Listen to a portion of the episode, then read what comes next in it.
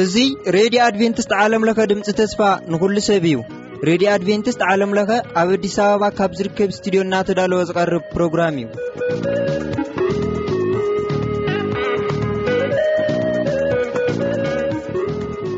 እዚ ትከታተሎ ዘለኹም ረድኹም ረድዮ ኣድቨንትስት ዓለም ለኸ ድምጺ ተስፋ ንኹሉ ሰብ እዩ። ሕዚ እቲ ናይ ሕይወትና ቀንዲ ቁልፊ ዝኾነ ናይ እግዚኣብሔር ቃል ምዃኑ ኩላትኩም ኣይትዘንግዕዎን።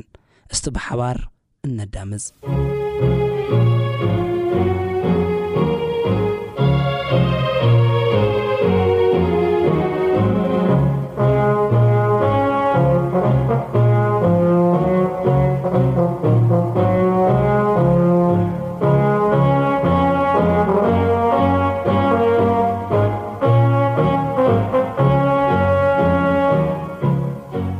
ሰላም ከመይ ቀኒኹም ክብራት ተኸታተልቲ መደባትና እዚ መደብ እዚ መደብ ቃል ኣምላኽ ኮይኑ ኩል ግዜ ተኸታተል ንቕረቦ መደብ ዛንታ ነቢያት እዩ ሕጂ በፂሕናዮ ደለና ምዕራፍ ሰላሳን ሓሙሽተ፣ ትንቢተ ኤርምያስ መጽሓፍ ካብቶም ናይ ዛንታታት ነብያት ዝሓለፉ ዝተሰርሑ ዕዮታት ዝተነገሩ ቅድሚ ናብቲ መደብ ምእታውና ከኣ ክንጽሊ ኢና ንጸሊ። ቅኑዕ ርሕሩሕ ድኾንካ ሕያዋይ ጓሳ ምሳይን ምስ ህዝበይ ስለ ደለኻ ነመስግነካ በዛ ዕለት እዚኣ ከኣ ንልምነካ ናይ ህይወት መምህር ንስኻ ብዝበለጸ ክተምህረና ክተረድእና ንምሕጸነካ።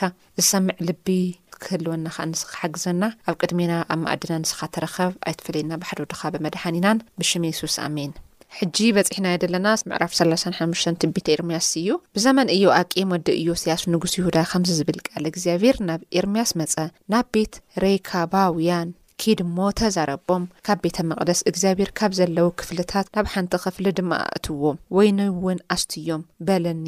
ሽዑ የኣዛንያ ኤርምያስን ወዲ ከባሰንን ነሕዋቱ ንኹሎም ኣወዳትን ደቂ ኹሎም ሬካባውያን ወሰድክዎም ናብ ቤት እግዚኣብሔር ናብ ክፍሊ ደቂ ሃናን ወዲ ኣግዳልያ ናይ እግዚኣብሔር ሰብ ከዓ ኣእተብክዎም እዛ ቤት እዚኣ ኣብ ጥቓ ኸፍሊ ቤት ኣሕሉቕ ኣብ ልዕሊ ክፍሊ ቤት መሳእያ ወዲ ሰሎም ሓላው ኣፍደገ ዘላ እያ። ኣብ ቅድሚ እቶም ደቂ ሬካብ ከኣ ወይኒ ዝመልአ ሳራሙን ዋናጩን ቀሪቡ ወይኒ ስተዩ በልክዎም።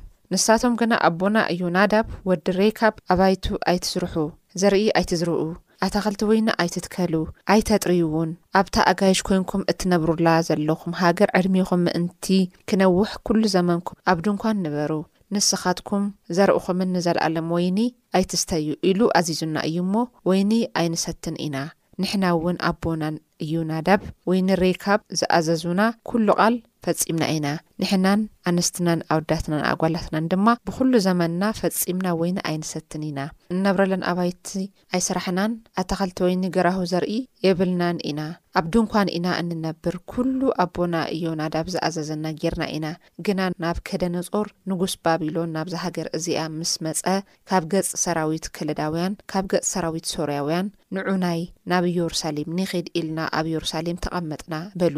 ሽዑ ከምዚ ዝብል ቃል እግዚኣብሄር ናብ ኤርምያስ መጸ፣ ጐይታይ ሰራዊት እግዚኣብሄር ኣምላኽ ከምዚ ይብል ኣሎ፣ ኪድ እሞ ንሰብ ይሁዳን ነቶም ኣብ የሩሳሌም ዝነብሩ ከምዚ ኢልካ ተናገር፣ ቃለይ ንምስማዕ ተግሳጽዶ ኣይትቕበሉን ኢኹም? ይብል እግዚኣብሄር።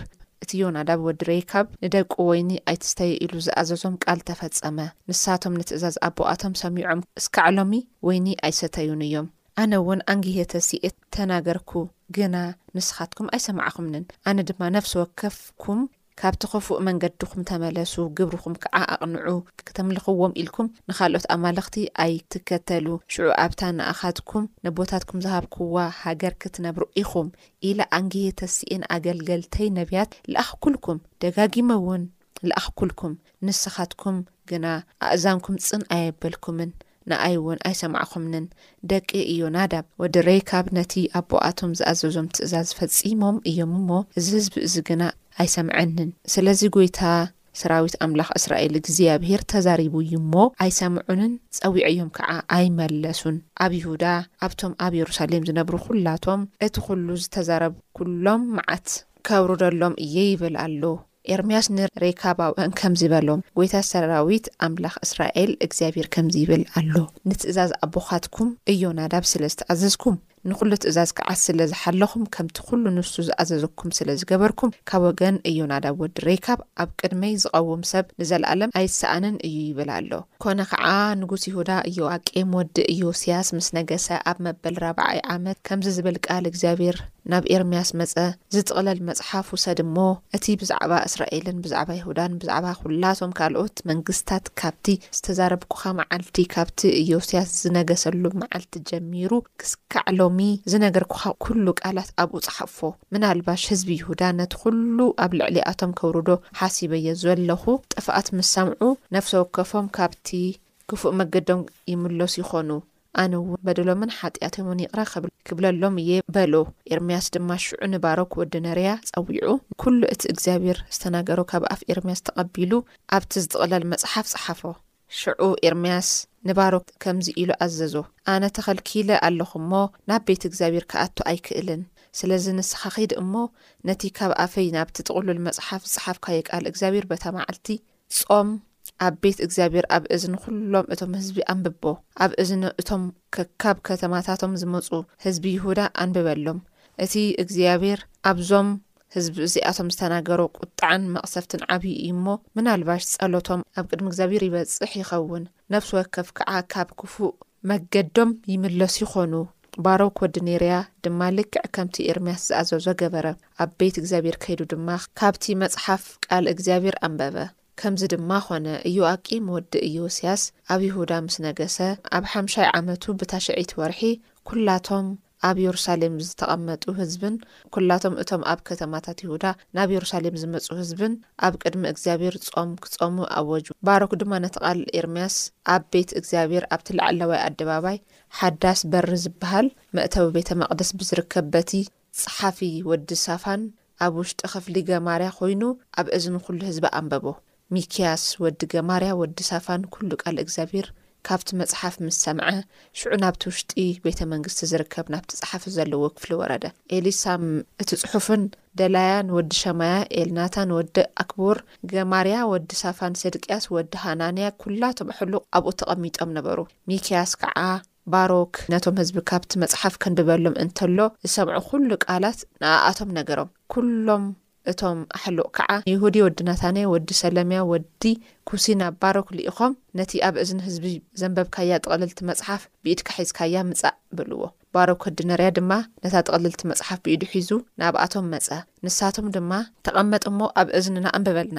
በልዎ። ባሮክ ኣንበበሎም፣ ነቲ ዅሉ ቃል ምስ ሰምዕዎ ኸዓ፣ ደንጊጾም ነስንሳቶም ተጠማመቱ። ንባሮክ ከዓ፣ እዚ ዅሉ ቃል እዚ ንንጉስ ክንነግሮ ይግባእ እዩ፣ በልዎ። ንባሮክ ድማ፣ እስኪ ንገረና፣ ኸመይ ጌርካ ኢኻ እዚ ዅሉ ቃላት እዚ ኻብ ኣፉ ዝጸሓፍካዮ? ኢሎም ጠየቕዎ። ባሮክ ከዓ፣ እወ፣ እዚ ዅሉ ብኣፉ ይንገረኒ ነይሩ፣ ኣነ ድማ ኣብቲ መጽሓፍ ብቐለም እጽሕፎ ነበርኩ ኢሉ መለሰሎም። ሽዑ እቶም ኣሕሉቕ ንባሮክ፣ ኪድ እሞ፣ ንስኻን ኤርምያስን ተሓብኡ፣ ኣበይ ከም ዘለኹም ድማ ሓደ እኳ ኣይፍለጥ በልዎ። ነታ ጥቕልልቲ ብራና ኣብ ክፍሊ ቤተ ኤልሳማ እቲ ጸሓፍ ኣንቢሮም ናብቲ ንጉስ ዝነበሮ ገበላ ኣተዉ እሞ፣ ኵለን እተን ቃላት እቲኣተን ንንጉስ ነገርዎ፣ እቲ ንጉስ ከዓ ነታ ጥቕልልቲ ብራና ከምጽኣ ንይሁዲ ለኣኾ። ንሱ እውን ካብቲ ክፍሊ ቤት ኤልሳማ እቲ ጸሓፊ ኣምጺኡ ንይሁዲ፣ ንንጉስ፣ ንኹሎም እቶም ኣብ ዙርያ ንጉስ ቆይሞም ዝነበሩ ኣሕሉቕ ኣንበበሎም። ታሽዓይ ወርሒ ስለ ዝነበረ እቲ ንጉስ ኣብቲ ወርሓት ክረምቲ ዝሕልፈሉ ኣዳራሽ ተቐሚጡ ነበረ። ኣብ ቅድሚኡ ከዓ ሓዊ ዝተኣጎደ ምድጃ ነበረ። ይሁዲ ሰለስተ ወይም ኣርባዕተ ዓምዲ ምስ ኣንበበ እቲ ንጉስ ነቲ ብራና ብኻራ እናቐደደ ናብቲ ኣብ ምድጃ ዘሎ ሓዊ ደርበዮ። እታ ጥቕልልቲ ብራና ድማ ብምልእታ ኣብቲ ሓዊ፣ ምድጃ፣ ሞኽበለት። እቶም ነቲ ቃላት ዝሰምዑ ንጉስ ኰነ ባሮት ግና ኣይደንገጹን፣ ብሓዘን እውን ክዳውንቶም ኣይቀደዱን። ኤልናታንን ደላንያን ገማርያን ነታ ጥቕልልቲ ብራና ከይቃጸላ ንንጉስ ለሚኖምዎ እንተ ነበሩ እኳ፣ ንሱ ኣይሰምዖምን። እኳ ደኣ እቲ ንጉስ ንኤርምያስን ጸሓፊኡን ሒዞም ክእሰሩ ኣዘዞም፣ ግና እግዚኣብሄር ሰወሮም። እቲ ንጉስ ነቲ ባሮክ ካብ ኣፍ ኤርምያስ ተቐቢሉ ዝጸሓፎ ቃል ዘለዎ ብራና ምስ ኣቃጸለ ኸምዚ ዝብል ቃል እግዚኣብሄር ናብ ኤርምያስ መጸ፣ መሊስካ ኻሊእ ብራና ውሰድ እሞ፣ ነተን ኣብ ልዕሊ እታ ኢዮኣቄም ንጉስ ይሁዳ ዘንደዳ ቐዳመይቲ ጥቕልልቲ ብራና ዘንበራ ኵለን ቃላት ኣብኣ ጽሓፈን። ንኢዮኣቄም ንጉስ ይሁዳ ኸዓ ከምዚ በሎ፣ ንጉስ ባቢሎን ብርግጽ ክመጽእ እዩ፣ ነዛ ሃገር እዚኣ ኸዓ ኬጥፍኣ እዩ፣ ካብኣውን ሰብን እንስሳን ኪጸንት እዩ ኢልካ ዝጸሓፍካስ ስለምንታይ ኢኻ? እናበልካ ነታ ጥቕልልቲ ብራና ብሓዊ ኣቃጸልካያ። ስለዚ፣ እግዚኣብሄር ብዛዕባ ኢዮኣቄም ንጉስ ይሁዳ ኸምዚ ይብል ኣሎ፣ ካብ ዘርኡ ሓደ እኳ ኣብ ዙፋን ዳዊት ዚቕመጥ ኣይርከብን እዩ፣ ሬስኡ ድማ መዓልቲ ኣብ ሃሩር ለይቲ ኣብ ቍሪ ኪድርበ እዩ። ንእኡን ንደቁን ሕሉቑን ብሰንኪ በደሎም ክቐጽዖም እየ፣ ምስማዕ ኣይሰምዑን እሞ ኩሉ ኸውርደሎም እየ ዝበልክዎ ጥፍኣት ኣብኣቶም ኣብቶም ኣብ የሩሳሌም ዝነብሩ ዘለዉ ኣብ ልዕሊ ኩሉ ይሁዳ ከምጽእ እየ። ሽዑ ኤርምያስ ካልኣይቲ ጥቕልልቲ ብራና ወሲዱ ንጸሓፊኡ ባሮክ ወዲ ነርያን ሃቦ፣ ንሱ እውን ነተን ኣብታ ኢዮኣቄም ንጉስ ይሁዳ ወሲዱ ዘንደዳ ጥቕልልቲ ብራና ዝነበራ ኵለን ቃላት ኣብ ኣፍ ኤርምያስ ተቐቢሉ ኣብኣ ጸሓፈን፣ ካልእውን ንኣኣተን ዝመስላ ብዙሓት ቃላት ተወሰኸኣን። ናብከደነጾር ንጉስ ባቢሎን ንሰድቅያስ ወዲ ኢዮስያስ ክንዲ ኤኮንያን ወዲ ኢዮኣቄም ኣብ ይሁዳ ኣንገሶ፣ ግና ሰድቅያስ ኰነ ባሮት ወይ ህዝቢ እታ ሃገር ነቲ ብነብዪ ኤርምያስ ኣቢሉ እግዚኣብሄር ዝተዘረቦ ቃል ኣይሰምዑን፣ ንጉስ ሰድቅያስ ከኣ ንዮካል ወዲ ሰለምያን ንሶፋንያስ ወዲ መእስያን እቲ ከሃንን ምእንታን ናብ እግዚኣብሄር ኣምላኽና ጸሊ ኢሉ ናብ ኤርምያስ ለኣኾ፣ ኤርምያስ ግና ኣብቲ ማእሰርቲ ስለ ዘእተውዎ ኣብ ማእከል እቲ ህዝቡ ይኣቱ ይወጽእ ነበረ።